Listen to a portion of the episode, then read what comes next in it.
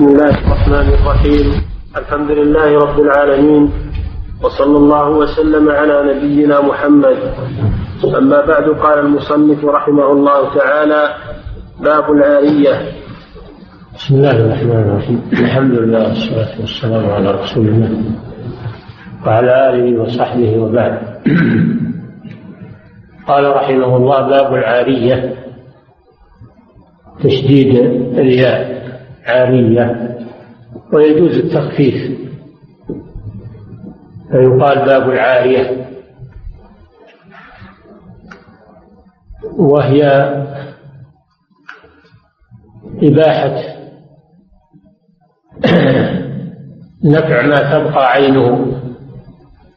إباحة نفع ما تبقى عينه بعد استعماله. سميت عارية أو عارية بالتخفيف.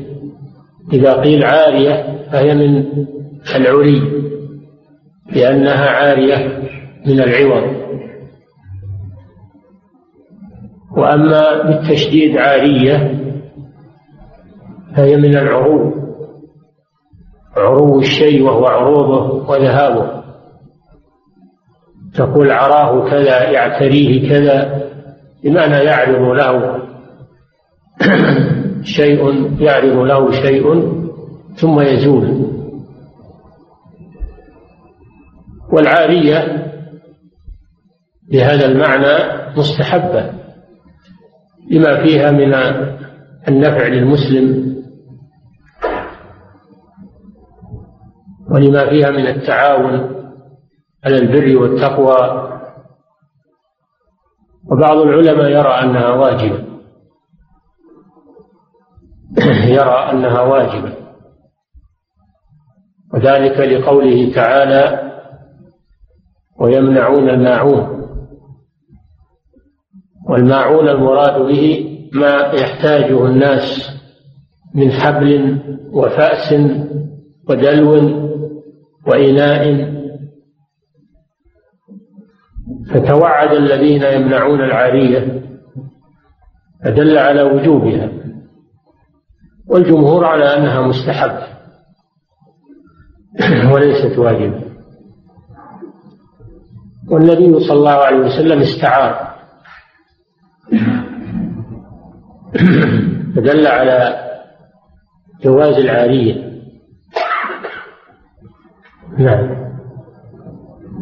عن سمرة بن جندب قال قال رسول الله صلى الله عليه وسلم على اليد ما أخذت حتى تؤديه. رواه أحمد والأربعة وصححه الحاكم. على اليد ما أخذت حتى تؤديه. يعني على الإنسان أن يرد ما أخذه من أموال الناس. سواء أخذه وديعة أو عارية أو رهن أو غير ذلك. فكل ما عند الإنسان لغيره من الأموال فإنه يجب عليه أداؤه له. لقوله تعالى إن الله يأمركم أن تؤدوا الأمانات إلى أهلها. والأمانات يشمل, يشمل جميع جميع الأشياء. المستحفظ عليها الإنسان. الأمانات هي كل الأشياء المستحفظ عليها الإنسان. والمراد بها في الآية الكريمة الولايات. يأمر الله ولاة الأمور أن يسندوا الولايات إلى أهلها لئلا يولوا أحدا على أمر من أمور المسلمين إلا من فيه الكفاءة. والآية عامة إن كان سبب نزولها إن كان سبب نزولها خاصا فإنها تكون عامة. العبرة بعموم اللفظ لا بخصوص السبب. وقد ورد أنها نزلت في مفتاح الكعبة. لما أخذه علي بن أبي طالب رضي الله عنه بعد الفتح من عثمان بن شيبة أنزل الله هذه الآية إن الله يأمركم أن تؤدوا الأمانات إلى أهلها. فرد رسول الله صلى الله عليه وسلم مفتاح الكعبة إلى بني شيبة. رده إلى بني شيبة. فبقي فيهم إلى يوم القيامة. فبنو شيبة هم سدنة بيت الله إلى يوم القيامة لأن الله أمر بردها إليهم بعدما أخذت منهم والآية عامة لجميع الأمانات منها الوظائف ومنها الودائع ومنها العواري ومنها وكل ما عند الإنسان من الحقوق للناس أو الديون أو الرهون فإنه يجب عليه أن يؤديه إليهم. إذا طلبوه أو انتهت حاجته منه. إن الله يأمركم أن تؤدوا الأمانات إلى أهلها. فهذا فيه دليل على وجوب رد العارية إلى صاحبها. إذا طلبها أو استغنى عنها المستعير إنه يردها إلى صاحبه.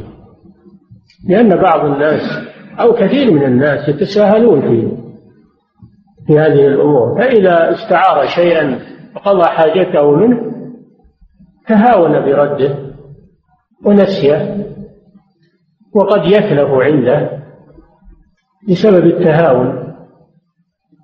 هذا أمر لا يجوز. نعم. وعن أبي هريرة رضي الله تعالى عنه قال قال رسول الله صلى الله عليه وسلم أد الأمانة إلى من ائتمنك ولا تخن من خانك. رواه الترمذي وأبو داود وحسنه وصححه الحاكم. كذلك هذا الحديث يدل على ما دل عليه الحديث الذي قبله على اليد ما أخذت حتى تؤديه. وهذا الحديث يقول فيه صلى الله عليه وسلم أد الأمانة إلى من ائتمن. هذا عام في جميع الأمانات.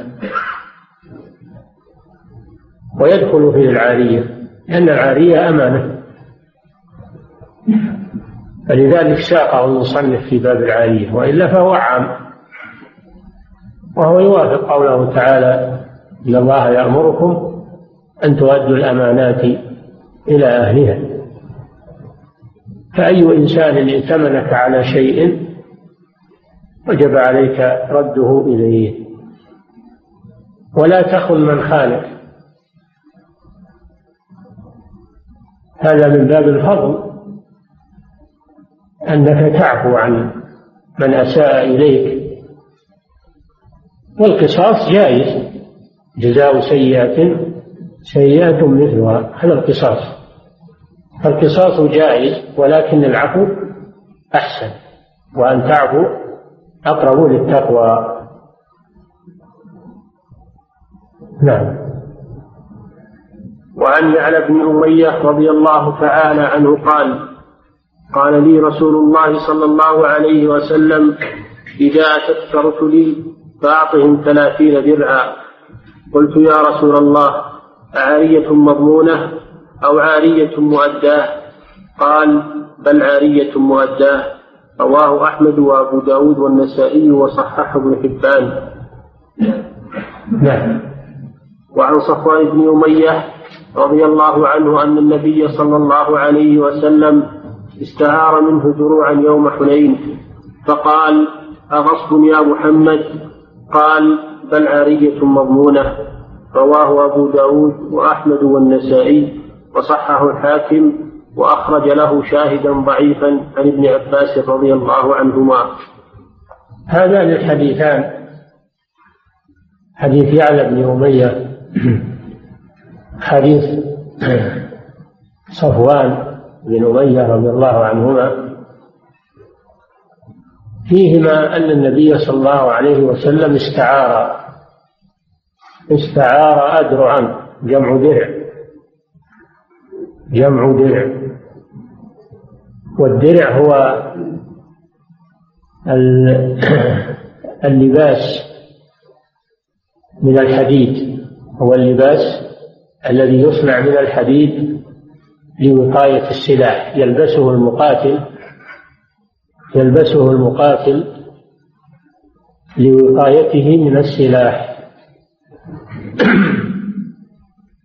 قال تعالى في داود عليه السلام وعلمناه صنعة لبوس لكم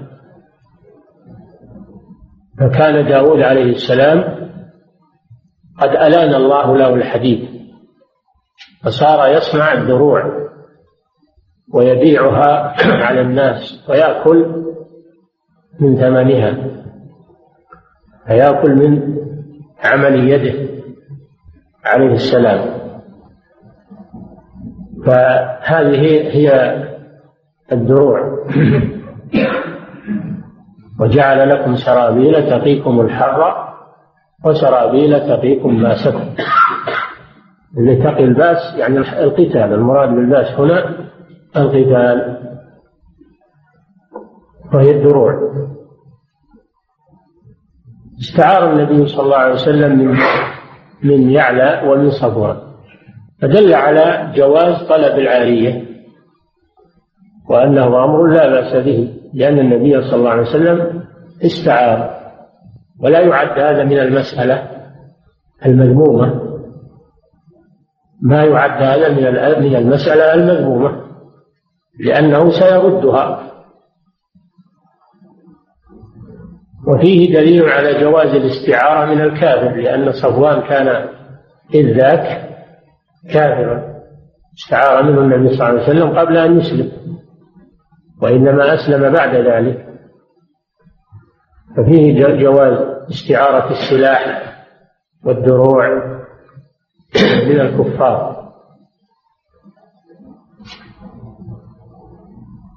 فقال يعلى بن أمية رضي الله عنه آه، أعارية مضمونة أم مؤدات؟ قال النبي صلى الله عليه وسلم بل عارية مؤدات. ولما قال صفوان أغصب يا محمد؟ يعني قهر لأنه كان كافرا ذاك الوقت. ثم أسلم وحسن إسلامه رضي الله عنه. قال بل عارية مضمونة.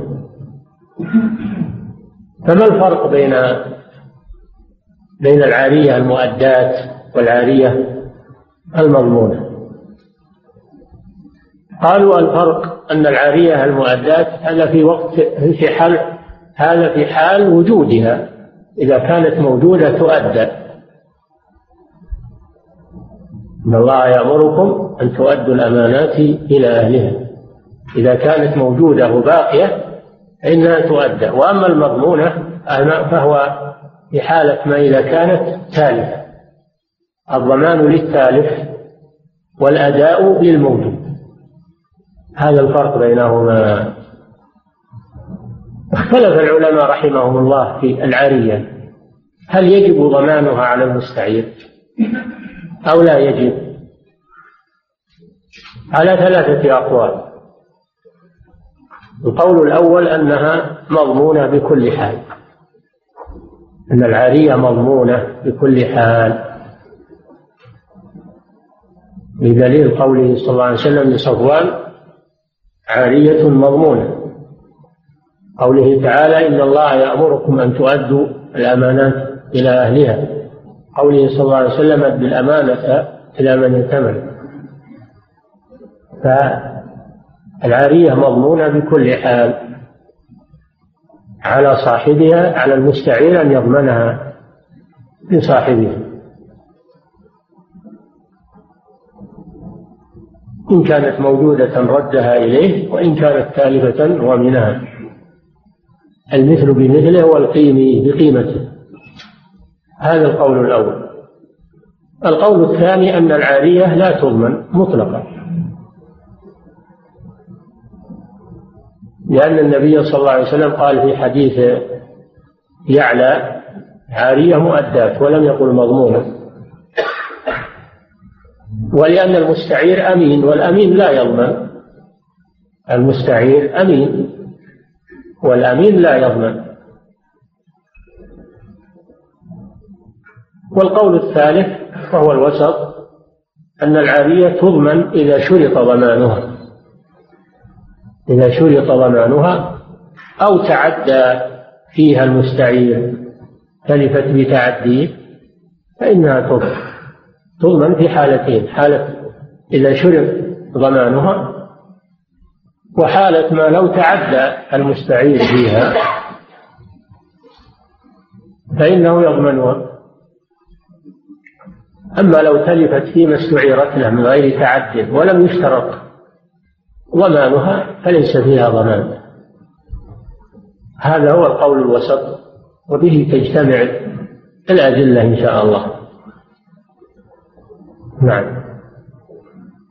باب الغصب. نعم. الغصب هو الاستيلاء على مال الغير قهرا. الاستيلاء على مال الغير قهرا بغير حق. هذا هو الغصب. الاستيلاء على مال الغير قهرا بغير حق. فقولهم الاستيلاء على مال الغير قهرا يخرج الاستيلاء على مال الغير بالنيابة أو بالوكالة. هذا ليس ليس غصبا. النيابة أو الوكالة. هذا ليس غصبا لأنه ليس قهرا ويخرج بقول بغير حق الاستيلاء على مال الظالم لأجل رد الحقوق إلى أهلها. إذا استولى ولي الأمر على مال ظالم من أجل أن ينصف المظلومين منه. فهذا فهذا استيلاء قهرا لكنه بحق. استيلاء قهر لكنه بحق. هذا هو الغصب. والغصب حرام. غصب أموال الناس حرام. بالكتاب والسنة وإجماع المسلمين. قال الله جل وعلا ولا تأكلوا أموالكم بينكم بالباطل. يا أيها الذين آمنوا لا تأكلوا أموالكم بينكم بالباطل إلا أن تكون تجارة عن تراض منكم. قال صلى الله عليه وسلم لا يحل مال امرئ مسلم لا يحل مال امرئ مسلم إلا بطيبة من نفسه. وقال عليه الصلاة والسلام كما في الحديث الذي في آخر هذا الباب في حجة الوداع في خطبته في حجة الوداع إن دماءكم وأموالكم وأعراضكم عليكم حرام كحرمة يومكم هذا في بلدكم هذا. فالغصب حرام بالكتاب وبالسنة وبإجماع المسلمين. نعم. عن سعيد بن زيد رضي الله عنه أن رسول الله صلى الله عليه وسلم قال من اقتطع شبرا من الأرض ظلما طوقه الله إياه يوم القيامة من سبع أراضين. متفق عليه. هذا حديث سعيد بن زيد رضي الله عنه. سعيد بن زيد بن عمرو بن نفيل ابن عم عمر بن الخطاب. رضي الله عنه وهو أحد العشرة المبشرين بالجنة. أن النبي صلى الله عليه وسلم قال من اقتطع شبرا من الأرض بغير حق طوقه يوم القيامة من سبع أراضين. من اقتطع شبرا يعني أخذه واستولى عليه بغير حق. طوقه يوم القيامة أي جعل طوقا في عنقه يحمله يوم القيامة. من سبع أراضين طوق طوق من سبع أراضين يوسع والعياذ بالله عنقه حتى يحمل هذا الطوق من سبع أراضين. ما هو من طبقة واحدة من جميع طبقات الأرض. عقوبة له وفضيحة له. هذا في الشبر الذي هو شيء يسير فكيف بالمساحات الكبيرة التي يقتطعها الإنسان غصبا من أراضي الناس والعياذ بالله. فهذا الحديث فيه مسائل عظيمة. المسألة الأولى تحريم الغصب وبيان الوعيد عليه وأنه كبيرة من كبائر الذنوب. الثاني أن المسألة الثانية أن الغصب حرام سواء كان المغصوب قليلا أو كثيرا. سواء كان المغصوب قليلا أو كثيرا. حتى الشبر من الأرض. فما بالك بالمساحات الواسعة؟ والعياذ بالله. المسألة الثالثة أن الأرض أن الأرض يجري اغتصابها وليس الاغتصاب خاصا بالمنقول. ليس الاغتصاب خاصا بالمنقول بالأموال المنقولة بل يكون في الأموال الثابتة كالأراضين والدور والمباني يجري فيها الأصل المسألة الثالثة فيه أن من ملك أرضا ملك هواءها وملك قرارها. ملك هواءها الفوقاني الجو يعني يملك جو أرضه له أن يبني ويرفع البناء يجعل أدوار ما أحد يعترض عليه. وكذلك الممالك الآن تملك أجواءها. فلا يجوز للدول أن تدخل أجواء مملكة إلا بإذنه لأنها ملك لها. فالهواء يحكي القرار. وكذلك يملك قرارها يعني ما تحتها من طبقات الأرض. وما فيها من المعادن. كلها تكون ملكا له فله أن يحفر ولا أحد يمنعه له أن يحفر في أرضه. ولو ولو أطال الحفر وقعر الحفر لأنه في ملكه. إلا إذا أضر بجيرانه. إذا أضر بجيرانه فإن الضرر يمنع. أما ما لم يضر بجيرانه فله أن يحفر ما شاء. ولو عثر على كنز أو عثر على معدن من المعادن الثمينة كالذهب والفضة وغيرها من المعادن فهو له لأنه من أجزاء من أجزاء أرضه. يملكه. وهذه مسألة مهمة جدا. ملك الهوى والقرار. هذه مسألة مهمة جدا.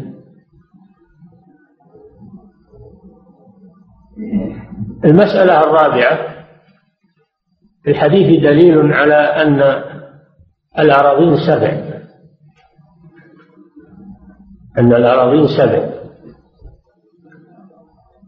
لقوله صلى الله عليه وسلم من سبع أراضين. وهذا نص لأن الأراضين سبع. كما أن السماوات سبع.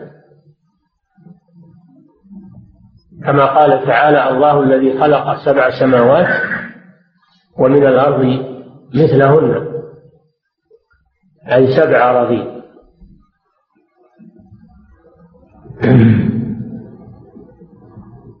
يقول الشارح إن هذا دليل أيضا على أن طبقات الأرض السبع متلاصقة. متلاصقة بعضها ببعض وليس بينها فراغ. لأنه لو كان بينها فراغ لملك الطبقة العليا فقط. الله أعلم. المعروف إن كل أرض لها سكان وكل أرض لها عالم. الله أعلم بهذا. نعم. وعن أنس رضي الله عنه أن النبي صلى الله عليه وسلم كان عند بعض نسائه فأرسلت إحدى أمهات المؤمنين مخادم لها بقصعة فيها طعام فضربت بيدها فكسرت القصعة فضمها وجعل فيها الطعام وقال كلها كلوا.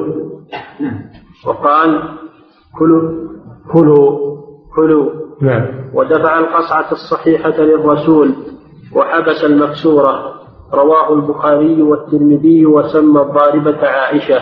وزاد فقال فقال النبي صلى الله عليه وسلم طعام بطعام وإناء بإناء وصححه. هذا الحديث ليس في باب الغصب وإنما هو في المتلفات. في ضمان المتلفات. الباب معقود لهذا للغصب ولضمان المتلفات. والفقهاء يقولون هذا في هذا يقولون باب الغصب وضمان المتلفات. فهذا الحديث هو في ضمان المتلفات. كان النبي صلى الله عليه وسلم عند بعض أزواجه وهي عائشة رضي الله عنها في يومها فأرسلت إحدى زوجاته وهي زينب بنت جحش رضي الله عنها أرسلت مع خادمها طعاما في قصعة يعني في صحفة. فغارت عائشة رضي الله عنها لأن تعلمون النساء ما بينهن من الغيرة. غارت من ضرتها فأومأت بيدها وضربت الصحفة فانكسرت. من الغضب.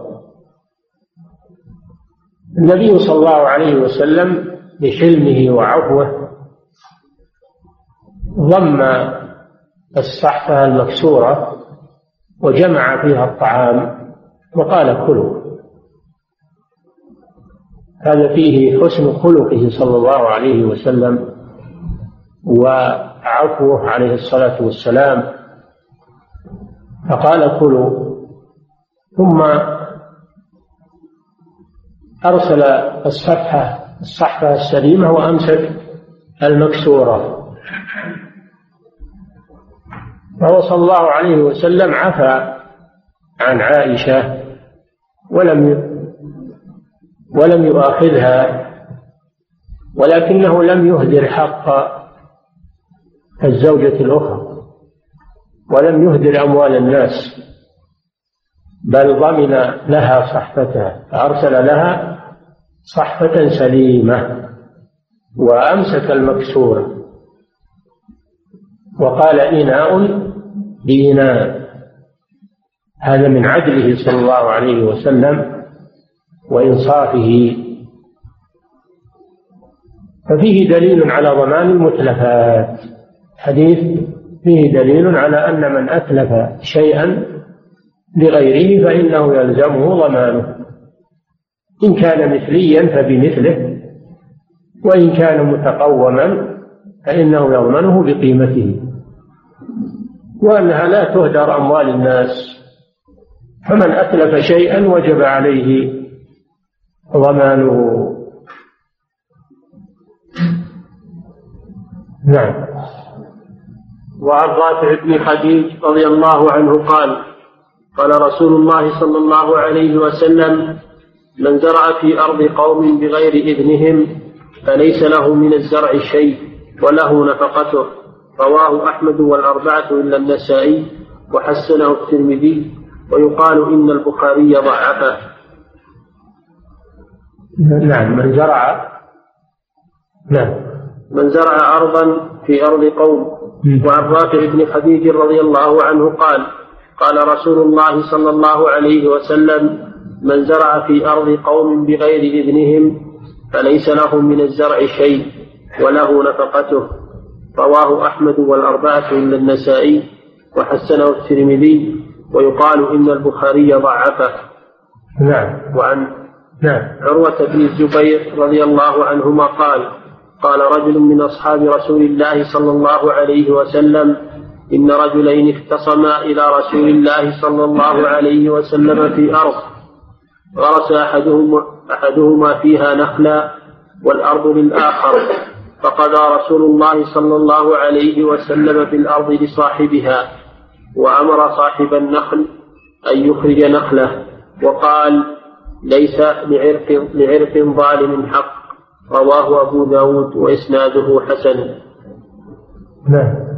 وآخره عند أصحاب السنن من رواية عروة عن سعيد عن عن سعيد بن زيد واختلف في وصله وإرساله وفي تعيين صاحبيه. صاحبه أو صحابية. تعيين صحابية. صحابية. صحابية. نعم. هذا هذان الحديثان. حديث رافع بن خديج حديث عروة بن الزبير. عروة بن الزبير رحمه الله تابعي من التابعين. روى عن أحد أصحاب رسول الله صلى الله عليه وسلم ولم يبينه ولكن جاء تبيينه بأنه سعيد بن زيد رضي الله عنه. فتبين المبهم في الحديث الصحابي المبهم تبين. على أنه لو, لو لم يتبين لم يضر هذا في الحديث لأن الصحابة كلهم عدول رضي الله عنهم. فلا يضر جهالة اسم الصحابي. لأن الصحابة كلهم عدول رضي الله عنهم. الحديث الأول حديث رافع بن خديج فيه من من زرع في أرض قوم. بغير إذنه. وحديث عروة بن الزبير من غرس في أرض قوم بغير إذنه.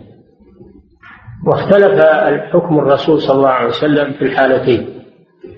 في حديث رافع بن خديج أن الرسول صلى الله عليه وسلم قال من زرع في أرض قوم بغير إذنهم فليس له من الزرع شيء وله نفقته. فحكم بالزرع لصاحب الأرض. حكم بالزرع لصاحب الأرض وحكم للزارع بالنفقة فقط يرجع بالنفقة. بينما في حديث عروة أنه أمر بطلع الأشجار المغروسة في أرض الغير بغير إذنه. وقال ليس لعرق ظالم حق فدل الحديثان على الفرق بين الزرع وبين الأشجار. الفرق بين الزرع وبين الأشجار. لأن الزرع لا يبقى مدة طويلة. بخلاف الأشجار فإنها تبقى مدة طويلة وتشغل أرض الغير فلذلك اختلف الحكم في المسألتين. المسألة الأولى جعل النبي صلى الله عليه وسلم الزرع لصاحب الأرض. وجعل للزارع النفقة التي أنفقها. والفقهاء يقولون أن صاحب الأرض في الزرع إذا زرعت أرضه بغير إذنه مخير. إن شاء أخذ الزرع ودفع النفقة لصاحب الزرع كما في هذا الحديث. وإن شاء أبقى الزرع لصاحبه ويدفع الزارع الأجرة يدفع الزارع الأجرة. فصاحب الزرع يبقي زرعه إلى الحصاد في أرض الغير ويدفع للزارع الأجرة. لأن الزرع لا تبقى لا يبقى مدة طويلة ويزول إشغاله للأرض بوقت قصير. فصاحب الأرض هو المخير. قال له تعال هل تريد الزرع؟ إن قال نعم قلنا ادفع نفقة الزارع وإن قال ما أريد الزرع قلنا الزرع لمن زرعه؟ وعليه الأجرة. عليه أجرة الأرض. ولا يهدر الزرع. الزرع لا يهدر لأن النبي صلى الله عليه وسلم نهى عن إتلاف إتلاف المال. هذا في قضية الزرع. زرع الغاصب. أما في قضية الشجر كالنخل و... والأعناب والتين والأشجار التي تبقى مدة طويلة النبي صلى الله عليه وسلم حكم بقلعها حكم بقلعها فيلزم صاحب الشجر بقلعه وإخلاء ملك الغير وإصلاح الأرض أيضا إذا حصل بسبب القلع تأثير في الأرض بالحفر. فإنه يكلف بإصلاح الأرض وتسليمها سليمة. وعلل صلى الله عليه وسلم ذلك بقوله ليس لعرق ظالم حق. لعرق ظالم. وفي رواية لعرق لعرق ظالم بالإضافة. والعرق الظالم هو الغرس أو البناء الذي يبنى أو يغرس في ملك الغير بغير إذنه هذا يسمى بالعرق الظالم لأنه يشغل الأرض مدة طويلة ويحرم صاحبها منها. وصاحبه متعدي وظالم. فيؤمر بقلع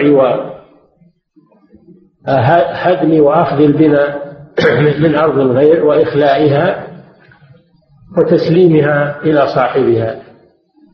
وإصلاح ما قد تتأثر به الأرض من بعد القلع أو بعد إزالة المباني. هذا حكم رسول الله صلى الله عليه وسلم. وهو حكم في غاية ومنتهى العدل والإنصاف. وفيه الفرق بين الزرع الذي لا يدوم وبين الغرس الذي يدوم. نعم. نعم.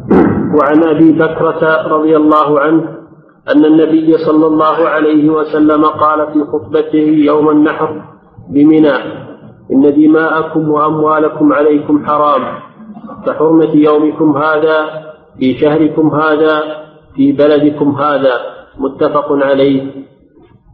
تقدم لنا أن النبي صلى الله عليه وسلم خطب عدة خطب في حجة الوداع. خطب في عرفة عليه الصلاة والسلام وخطب في منى يوم النحر وخطب في منى يوم الرؤوس كما سبق. وخطب يوم النفر يوم النفر من منى أربع خطب تسمى بخطب حجة الوداع.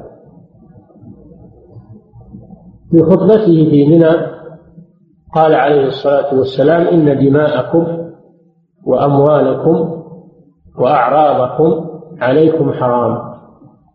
كحرمة يومكم هذا في بلدكم هذا في شهركم هذا. لأنه صلى الله عليه وسلم قال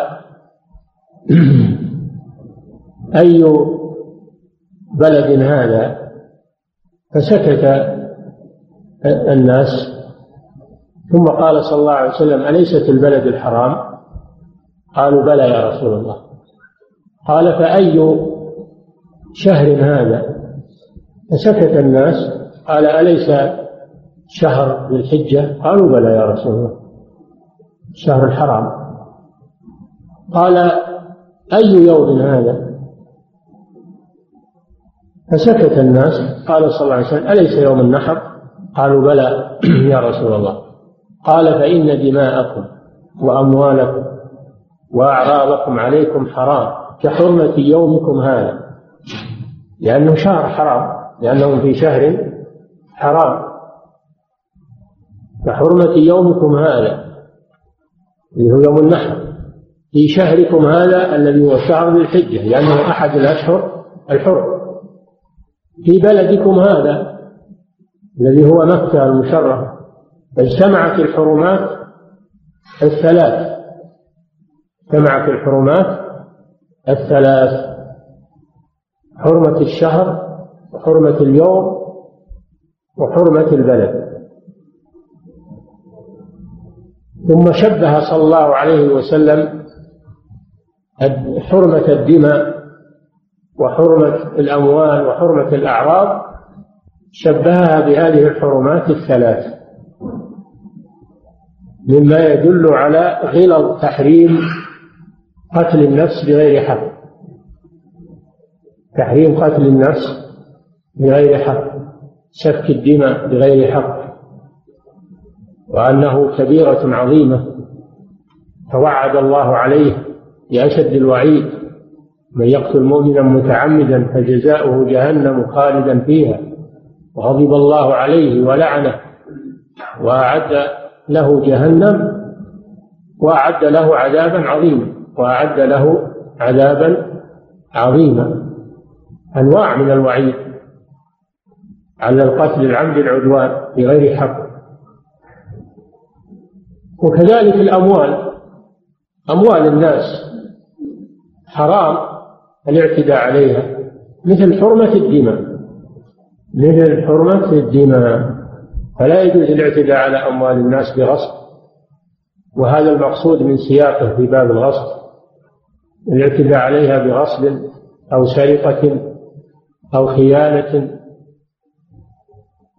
أو نهب أو غير ذلك من أنواع الاستيلاء على أموال الناس بغير حق. فحرمتها كحرمة الدماء في غلظها وشدتها. والأعراض. العرض هو محل الذم أو المدح من الإنسان. هذا هو العرض. العرض هو محل الذم أو المدح من الإنسان. العرض حرام فلا يجوز الاعتداء عليه بقذف. أن يقذف بالزنا أو اللواط والعياذ بالله. هذا هتك للعرض. وكذلك الاعتداء عليه بفعل الفاحشة بزنا أو لواط. هذا هتك للعرض. ولذلك رتب الله حد القذف. والذين يرمون المحصنات ثم لم يأتوا بأربعة شهداء فاجلدوهم ثمانين جلد ولا تقبلوا لهم شهادة أبدا وأولئك هم الفاسقون. إلا الذين تابوا من بعد ذلك وأصلحوا إن الله غفور رحيم. هذا في الدنيا في الآخرة إن الذين يرمون المحصنات الغافلات المؤمنات لعنوا في الدنيا والآخرة ولهم عذاب عظيم يوم تشهد عليهم ألسنتهم وأيديهم وأرجلهم بما كانوا يعملون يومئذ يوفيهم الله دينهم الحق الله جل وعلا حرم الأعراض الاعتداء عليها بقذف أو بفعل فاحشة أو بغيبة أو بنميمة أو بسخرية واستهزاء عرض المسلم حرام مصون مثل مال ومثل دمه. بل ربما يكون العرض أشد من قتل النفس وأشد من من أخذ المال. لأن العرض إذا إذا إذا اعتدي عليه صار على صاحبه عار لا لا ينمحي ولهذا يقول الشاعر أصون عرضي بمالي لا أدنسه. لا بارك الله بعد العرض بالمال. أحتال للمال إن أودى أحتال للمال إن أودى فأجمعه ولست للعرض إن أودى بمحتال. العرض أشد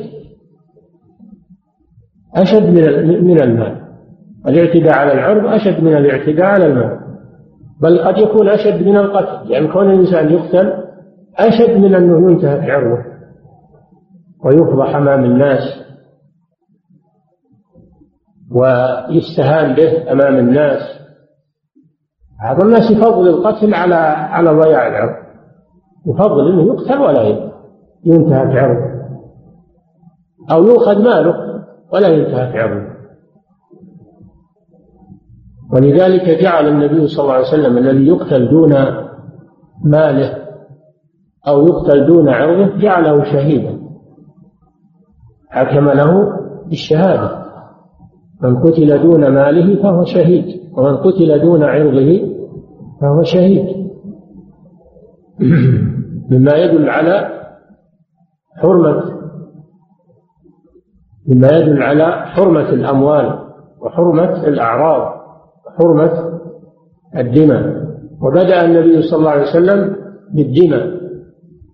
إن دماءكم وأموالكم وأعراضكم عليكم حرام. وشبهها بحرمة الحرمات الثلاث. مما يدل على غلظ تحريم هذه الأمور الثلاثة. الدماء والأموال والأعراض. الشاهد من الحديث تحريم الغصب لأن الغصب من الاعتداء على الأموال وأن ذلك معادل في الإثم الاعتداء على النفس والاعتداء على المال. والنبي صلى الله عليه وسلم يقول كل المسلم على المسلم حرام دمه وماله وعرضه. دمه وماله وعرضه. هذا أيضا يدل على تحريم الغصب. في الأموال وأنه كاغتصاب العرض وقتل النفس. نعم. باب الشفعة. نعم. فضيلة الشيخ هل يجوز للمسلم الخيانة في شخص من باب القصاص أم أن الخيانة لا تجوز مطلقا؟ القصاص ليس خيانة وإنما هو أخذ بالحق. أخذ بالحق. ليس هو خيانة هو عدل. وأخذ بالحق. نعم. فضيلة الشيخ نزع الملكية للمصلحة العامة. إذا لم يرضى المالك بالتعويض لقلته هل يكون ذلك غصبا أم لا؟ إذا أعطي ثمن المثل إذا أعطي المالك ثمن المثل ولم يقبل فليس له حق. لأن المصالح العامة مقدمة على المصالح الفردية. وإذا أعطي ثمن أرضه أو ثمن بيته ثمن المثل من غير إجحاف فقد أنصف. فإذا امتنع فامتناعه بغير حق. امتناعه يكون بغير حق. نعم. فضيلة الشيخ تقوم البلدية بمنع أصحاب البنايات في داخل الأحياء من البناء أكثر من دورين. نعم. تقوم البلدية بمنع أصحاب البنايات في داخل الأحياء من البناء أكثر من دورين مع أن مالك الأرض قد ملك فضاءها كما ذكرتم. نحن قلنا إنه لا يضار بالجيران لا يحفر في عمق الأرض ما يضر بالجيران ولا يبني فوق الأرض ما يضر بالجيران. لا ضرر ولا ضرار. فيراعى هذا. إذا كان في تعلية البناء إضرار للجيران فإنه يمنع من هذا. لا ضرر ولا ضرار. نعم. فضيلة الشيخ من أين استفدنا من حديث سعيد بن زيد أن صاحب الأرض يملك هواء أرضه؟ نعم. لأنه تابع لها لأن إذا ملك قياسا على ملك العمق والقرار. إذا كان يملك العمق والقرار فإنه يملك الهواء أيضا. نعم. أن ترضى أن واحد يجي ويبني فوق بيته. لو جاء واحد حط جسرا فوق بيتك وبنى عليه ترضى بهذا تقول ما هو بلي الهواء ما حد يرضى بهذا. شيء واضح. نعم. فضيلة الشيخ نعم. القصعة المكسورة والسليمة أليس كلاهما في بيت النبي صلى الله عليه وسلم؟ فهو مالكهما فلا يكون فيه دليل في باب المتلفات في باب المتلفات؟ هذا ملك للنساء. أو ملك هذا ملك للنساء. كل امرأة لها كل امرأة لها أثاث بيتها وأواني بيتها فهو ملك للنساء وعدل بين النساء. نعم. فضيلة الشيخ ما معنى قوله عليه الصلاة والسلام طعام بطعام في الحديث المتقدم؟ هذا من باب المماثلة وإلا الطعام غير مضمون لأنه مهدى للرسول صلى الله عليه وسلم. مهدى للرسول والرسول لم يرد طعاما وإنما رد الإناء فقط وإنما قال طعام بطعام من باب المشاكلة والمماثلة فقط. نعم. وإلا فالطعام هدية للرسول صلى الله عليه وسلم. وليس والهدية إذا قبضت لزمت. الهدية إذا قبضت لزمت فلا ترد على صاحبها ولا يستطيع صاحبها أنه يأخذها بعد القبض. قوله صلى الله عليه وسلم العائد في هبته كالكلب يقيه ثم يعود في قيئه. نعم. فضيلة الشيخ عرض المسلم العدل حرام. نعم. عرض المسلم العدل حرام. فهل التنقص من عرض الفسقة كالممثلات والراقصات المسلمات؟ فيقال إنهن بغايا وكذلك تنقص عرض الكافر. وقد فيه هل هل ذلك جائز؟ المسلم ليس بالسباب ولا بالطعان ولا باللعان يصون لسانه. والمغنيات وش يدريك انهم بغايا. هذا قذف والعياذ بالله. الغنى حرام ما في شك. وجريمة لكن البغايا عن الزانيات لا يجوز الإنسان يقول بغايا إلا إذا أثبت بأربعة شهود أنهم بغايا. الأمر خطير في هذا. نعم. فضيلة الشيخ ما هو ضابط المثلي وهل هو محصور؟ التكلم في الفاسق التكلم في الفاسق. إن كان من باب الإنكار وتحذير الناس في مصلحة لا بأس. أما إن كان من باب التفكه بأعراض الناس فهذا لا يجوز ولا يخرج عن الغيبة. لكن إن كان من باب الإنكار أو الشكاية لولي الأمر لأجل الأخذ على يده بمصلحة راجحة فلا بأس. أما إن كان من باب التفكه وشغل المجالس بعيوب الناس فهذا أمر محرم ولا يخرج عن الغيبة والفاسق مسلم يصان عرضه ويستر عليه ولا يشهر به لأنه مسلم. نعم. فضيلة الشيخ ما هو ضابط المثلي؟ وهل هو المثلي هو المكيل والموزون المثلي هو المكيل والموزون المتساوي الأجزاء. هذا هو المثلي. نعم. فضيلة الشيخ من بنى في أرض غيره خطأ فما الحكم؟ الحكم أنه يزال البناء. أنه يزال البناء. ويزيله المحدث من؟ الذي أحدث هذا البناء يزيله سواء خطأ أو تعمدا. لا يجوز أن يشغل مال الغير يقول أنا مخطئ. ولو أنت الخطأ لا لا يبيح لك أنك تشغل مال الغير. نعم. لكن الخطأ يسقط الإثم فقط. الخطأ يسقط عنك الإثم ولكنه لا يسقط حق الغير. نعم.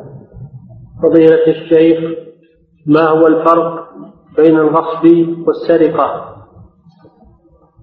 الغصب استيلاء على المال قهرا والسرقة أخذ المال خفية السرقة من المسارقة وهي أخذ المال خفية مع مع أمن صاحبه عليه صاحبه مجوده ومحرزه ويجي واحد ويهتك الحرز ويأخذه. خفية. هذه هي السرقة. أما الغصب فهو الاستيلاء جهرا يعني جهارا. بسط السلطة على مال الغير ومنعه من تصرف فيه. نعم. فضيلة الشيخ نسمع كثيرا عن قصاص بعض الأشخاص وأن الحكم أنه يقتل تعزيرا. فما هو التعزير في القصاص؟ أرجو التفصيل فيما يخص عبارة التعزير التعزير هو التأديب. التعزير هو التأديب. وهو يرجع فيه في تقديره إلى ولي الأمر. يرجع في تقدير التعزير إلى ولي الأمر. فإذا كان هذا المجرم له سوابق ولا ولم يرتدع بالعقوبات فإنه يقتل لأنه أصبح مثل الصائل الذي يصول على الناس أصبح مثل السبع ومثل الكلب العقور فهذا يقتل في النهاية يقتل كفا لشره. إذا لم يرتدع إلا بالقتل فإنه يقتل. ويسمى هذا القتل تعزيرا. لأجل يمنع غيره من ارتكاب هذه الجريمة. نعم. فضيلة الشيخ هل يجوز للإنسان يقول شيخ الإسلام من لم من لم ترجعه الحدود؟ من لم ترجعه الحدود والعقوبات الشرعية؟ فإنه يقتل لأنه أصبح صائلا والصائل يقتل. نعم. فضيلة الشيخ هل يجوز للإنسان أن يزرع في أرض قوم بغير إذنهم بناء على الحديث في ذلك؟ الحديث قال تزرع بغير إذنهم؟ الحديث يقول من زرع بغير إذنهم فليس له حق. الحديث فيه النهي عن الزرع بغير إذنه وأنه ليس له حق ليس له شيء. نعم. فضيلة الشيخ ما حكم اغتصاب أرض من أجل بناء مساجد أو مواقف للسيارات؟ لا يجوز اغتصاب أموال الناس لأي غرض كان. سواء يغتصبها ليمتلكها أو يبيعها أو يعطيها لغيره. وإذا أراد البناء المسجد عليها فهذا أشد لأنها لا تصح الصلاة في الأرض المغصوبة. الصلاة لا تصح في الأرض المغصوبة لأن الصلاة فيها استعمال لمال الغير بغير حق. فلا تصح الصلاة على القول الصحيح في الأرض المغصوبة. وبعض العلماء يصححها مع الإثم مع الإثم على ارتكاب المحرم. فلا يجوز أن المساجد تبنى من المال الحرام أو تبنى في أرض مغصوبة. هذا لا يجوز لأن الحرام لا يجوز استعماله ولا يجوز التقرب به إلى الله سبحانه وتعالى. نعم. ولا ولا مواقف للسيارات. كما سبق في السؤال الذي مر أن الدولة إذا رأت نزع ملكية للصالح العام يجي شارع ولا لجل مرفق ضروري للناس فإنها تقوم هذا المال هذه الأرض أو هذا البيت تقومه من غير من غير إجحاف ومن غير ظلم بما يساوي بالغة ما بلغت قيمته. لأن قيم البيوت والأراضي تختلف باختلاف مواقعها. هناك أرض مترها بريال وهناك أرض مترها مليون. تختلف. تثمن بقدر ما تساوي حسب رغبة الأرض وعدم الرغبة فيها. ويدفع لصاحبها قيمتها لأجل الصالح العام لا لأجل فرد من الأفراد أو أو طائفة من الناس. وإنما لأجل الصالح العام. توسعة مسجد ما ولا يمكن توسعتها إلا بذلك. طريق لا يمكن توسعتها وتنفيذه إلا بذلك. هذا ما هو بفرد ولا لجماعة معينة وإنما هو للصالح العام. نعم. فضيلة الشيخ هل المعادن السائلة مثل النفط يملكه صاحب الأرض؟ لا المعدن السائل لا يملكه صاحب الأرض مثل الماء. النبي صلى الله عليه وسلم يقول الناس شركاء في ثلاث وعد منها الماء. كذلك المعادن السائلة مثل الماء. الناس شركاء فيها مثل البترول مثل الغاز الناس شركاء فيها. لكن يتولاها ولي الأمر لأجل مصالح الناس. تكون تبع بيت المال. تكون المعادن السائلة تبع بيت المال لمصالح الناس مثل الفيء. نعم. فضيلة الشيخ أرجو إعادة قول الفقهاء في الزرع في أرض قوم بغير إذنهم. يقولون مخير إن شاء صاحب الأرض أنه يأخذه ويدفع النفقة لصاحبه وإن شاء أن يبقيه لصاحبه وصاحبه يدفع الأجرة نعم. نعم. فضيلة الشيخ ما حكم إعارة الكتب؟ وهل لأهل العلم تفصيل في ذلك؟ كله سواء إعارة الكتب والأواني والثياب والدروع كله سواء. كل ما يحتاجه الناس فإنه يستحق أو يشرع إعارته. نعم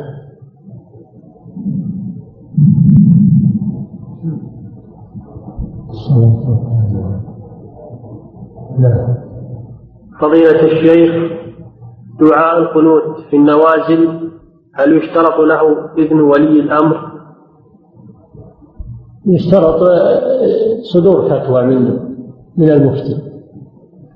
هذا من صلاحيات المفتي. إذا صدرت فتوى من المفتي فإن الناس يصلون لأن النظر في هذا راجع للمفتي. الصحابة ما صلى ما ما قنتوا إلا لما قنت الرسول صلى الله عليه وسلم وهو المفتي وهو الحاكم وهو ولي الأمر. الصحابة ما راحوا يفعلون هذا إلا بعد ما فعله الرسول صلى الله عليه وسلم. وفي كون أحد يقنط بدون آه، فتوى من المفتي هذا من الافتيات على صلاحيات ولاة الأمور. نعم. فضيلة الشيخ ما هي الحكمة من الإسراء برسول الله صلى الله عليه وسلم إلى المسجد الأقصى؟ مع أن هناك مساجد أفضل منه. الحكمة والله أعلم لالتقاء بالأنبياء لالتقاء بالأنبياء ولتجتمع له المساجد الثلاثة الصلاة في المساجد الثلاثة. صلى في المسجد الحرام وصلى في المسجد النبوي ويصلي صلى الله عليه وسلم في المسجد الأقصى. فحصلت له الصلاة في المساجد الثلاثة. نعم. فضيلة الشيخ هناك رجل مسافر صلى العشاء خلف رجل مسافر يصلي المغرب. نعم. هناك رجل مسافر صلى العشاء خلف رجل مسافر يصلي المغرب.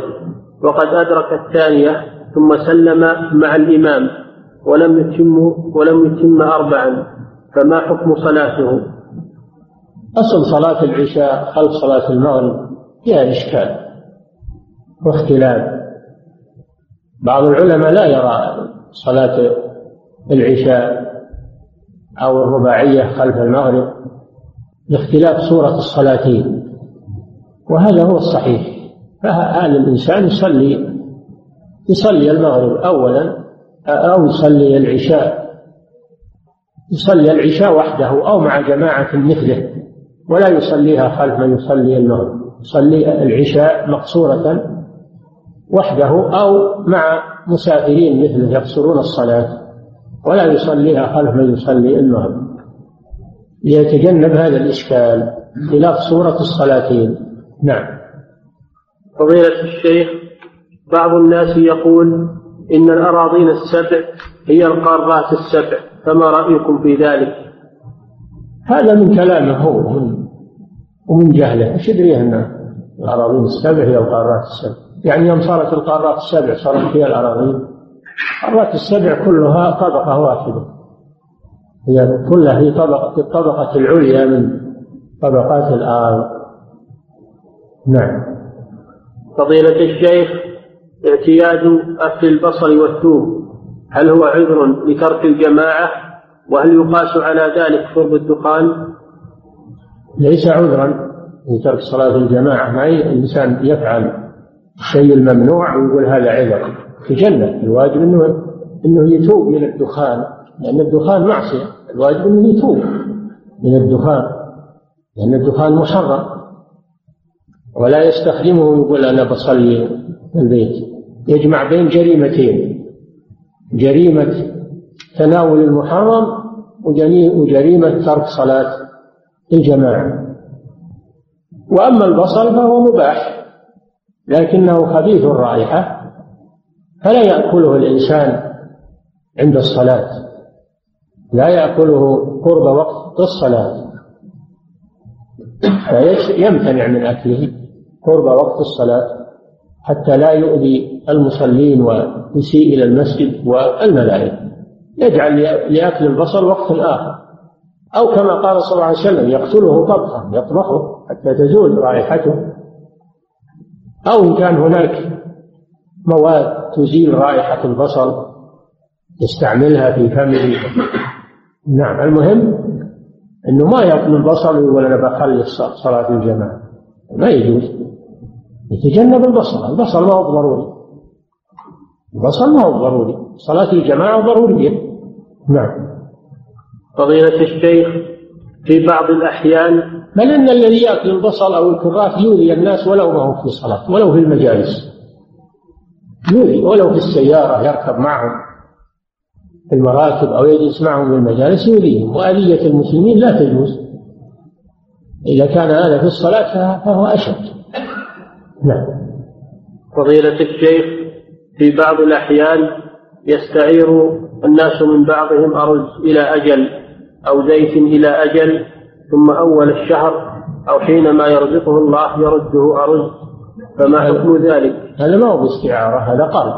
يعني يسمى بالقرض قد مر باب القرض يجوز اقتراض الدراهم واقتراض الطعام والتمر والأموال يجوز. هذا من باب القرض ما هو من باب العارية.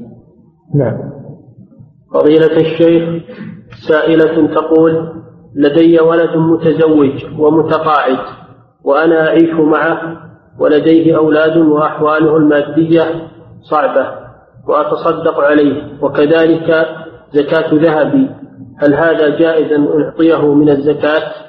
لا تحل لا تحل زكاة الوالد لولده ولا زكاة الولد لوالده ما تحل.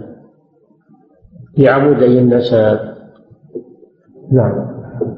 فضيلة الشيخ ما حكم الانتفاع بمال الغير إذا كان يعلم أنه يرضى بذلك؟ إذا كان يعلم أنه يرضى بذلك فلا بأس. لأن هذا بمثابة الإذن مثابة الإذن له. نعم إذا كان يثق من رضاه وعدم امتناعه من ذلك فهذا من باب الإذن. نعم. فضيلة الشيخ بعض البنوك الربوية نعم. بعض البنوك الربوية تقوم بتقسيط السيارات بطريقة شرعية فهل يجوز الشراء منها؟ لا يجوز الشراء منها لأن أموالها ربا. ولا يجوز أن تشري منها أموالا أصلها ربا ومحرم. نعم لأن هذا فيه تشجيع لها وإعانة لها على هذا الباطل. نعم. فضيلة الشيخ ذكرتم أن القول الراجح في ضمان العارية أنها تضمن إذا شرط أو تعدى. نعم. فهل هناك فرق بين التعدي والتفريق؟ التفريق هو التعدي. إذا شرط شرط ضمانه. قال ما أعرف إياه إلا بشرط. أنك تضمنها المسلمون على شروط يضمنها. أو تعدى هو في استعمالها وأتلفها إنه يضمن لأن التعدي مضمون لا يجوز التعدي على أموال الناس وهو لم يأذن له بإتلافها وإنما أذن له باستعمالها فقط. نعم. فضيلة الشيخ من المعلوم أن كثيرا جدا من أحاديث البلوغ ضعيف. نعم. من المعلوم أن كثيرا جدا. من أحاديث البلوغ ضعيف وش يدريك أنه ضعيف؟ هل أنت محدث؟ يعني أنت أحسن من الحافظ بن حجر وما يسوق أحاديث ضعيفة إلا ولها شواهد ولها روايات ولها أو تدخل تحت أصل عام يعني مجرد ما تشوف كلمة ضعيف على طول تلغي الحديث ما يصلح هذا يجوز الإنسان يتكلم في سنة رسول الله صلى الله عليه وسلم بغير علم وبغير تمييز. مجرد ما يرى أن بعض العلماء يقول ضعيف خلاص يهدر الحديث. لا يجوز يكون ضعيف عند بعضهم صحيح عند الآخرين. قد يكون ضعيف وله شواهد تقويه يرتقي إلى درجة الحسن لغيره أو الصحيح لغيره. قد يكون داخل تحت أصل عام ولا يأسس به حكم بمفرده وإنما هو داخل تحت أصل عام صحيح. العلماء لهم في هذا نظر ما هو بس على طول. أي حديث نشوف مكتوب ضعيف خلاص ننفض يدينا منه. نعم. يحتاج إلى روية وإلى علم وإلى بصيرة. أما مجرد ما يقال إن فلان يقول ضعيف خلاص نلغي الحديث. نعم. فضيلة الشيخ عند يعني العلماء لما كتبوا هذه الكتب وألفوها ويكون فيها ما, ما يقال انه ضعيف. معناه انهم يغشون الأمة في هذا؟ ما أهل بصيره واهل علم لولا أنهم يرون إن هذا يستشهد به لغيره بأمر خارج عنه ما ما وضعوه في هذا في هذه الأبواب. نعم. فضيلة الشيخ عند اشتداد الشهوة فإنه يخرج مذي. نعم. عند اشتداد الشهوة فإنه يخرج مذي. نعم. ويستمر في النزول. فماذا أفعل إذا دخل وقت الصلاة واستمر نزول المذي؟ لا تتوضأ حتى ينقطع. وينشف بالكلية حتى ينقطع وينشف بالكلية ثم توضأ وصل. ولو فاتتك الصلاة مع الجماعة. لأنك معنا في هذه الحالة نعم. فضيلة الشيخ استخدمت خادمة. وبلغ تكلفة إحضار إحضارها أربعة آلاف ريال. على أن تعمل عندي سنتين وبعد مضي سنة أرادت السفر. فهل لي أن أقتطع من مرتبها نصف تكلفة إحضارها مقابل سفرها؟ هذا حسب الشرط الذي بينك وبينهم المسلمون على شروط. حسب يا أيها الذين آمنوا أوفوا بالعقود. حسب الشرط الذي بينك وبينها إذا كنت شرط عليها هذا فلا بأس. أما إذا لم تكن اشترطت عليها فلا يجوز. نعم. فضيلة الشيخ هل الذي يؤدي جميع الأركان إلا الزكاة مع الاستطاعة يعتبر كافرا؟ إن كان جاحدا لوجوبها يعتبر كافرا. وإن كان لم يجحد وجوبها وإنما منعها بخلا وجب عليه التوبة إلى الله وإخراج الزكاة جميع جميع السنوات التي مرت. مع التوبة يخرج الزكاة عن جميع السنوات التي مرت. لا تبرأ ذمته إلا بذلك. فإن لم يخرجها وجب على ولي الأمر أنه يأخذها منه قهرا ويعزره تعزيرا بليغا. نعم. فضيلة الشيخ ما حكم من يبيع عملة ورقية قديمة من فئة مئة ريال بعملة ورقية جديدة من الفئة نفسها مع الزيادة علما أن العلم العملة القديمة غير متداولة. العملة الملغاة لا يجوز بيعها لأنها أصبحت لا قيمة لها. أصبحت لا قيمة لها فلا يجوز بيعها. البيع أخذتم في شروط البيع يشترط أن يكون المبيع مالا وهذا غير مال هذا ما هو مال ملغى ما في فائدة فلا يجوز بيعه. وهذا الذي يعبثون به الآن يسمونها آثار يشرون بها أغلى الأقيام. يقولون منديل أم كلثوم عشرين ملايين. هذا كله من العبث بأموال الله عز وجل. العبد مسؤول عن ماله فيما أنفق. لا يجوز هذا العبث وهذا حرام. نعم. فضيلة الشيخ بعض المساجد فيها سكن للإمام وآخر للمؤذن. نعم. فإذا استغنى أحدهما عنه فهل له إيجاره؟ لأن بعض الناس يقول هذا وقف. وأيضا أن هذا العقد قد لا يتم وذلك في حالة ما إذا ترك الإمام أو المؤذن الإمامة. الوقف على المعين كالإمام والمؤذن والخادم المسجد الوقف على المعين يجوز للمعين إذا استغنى عنه أن يؤجره لأنه موقوف عليه.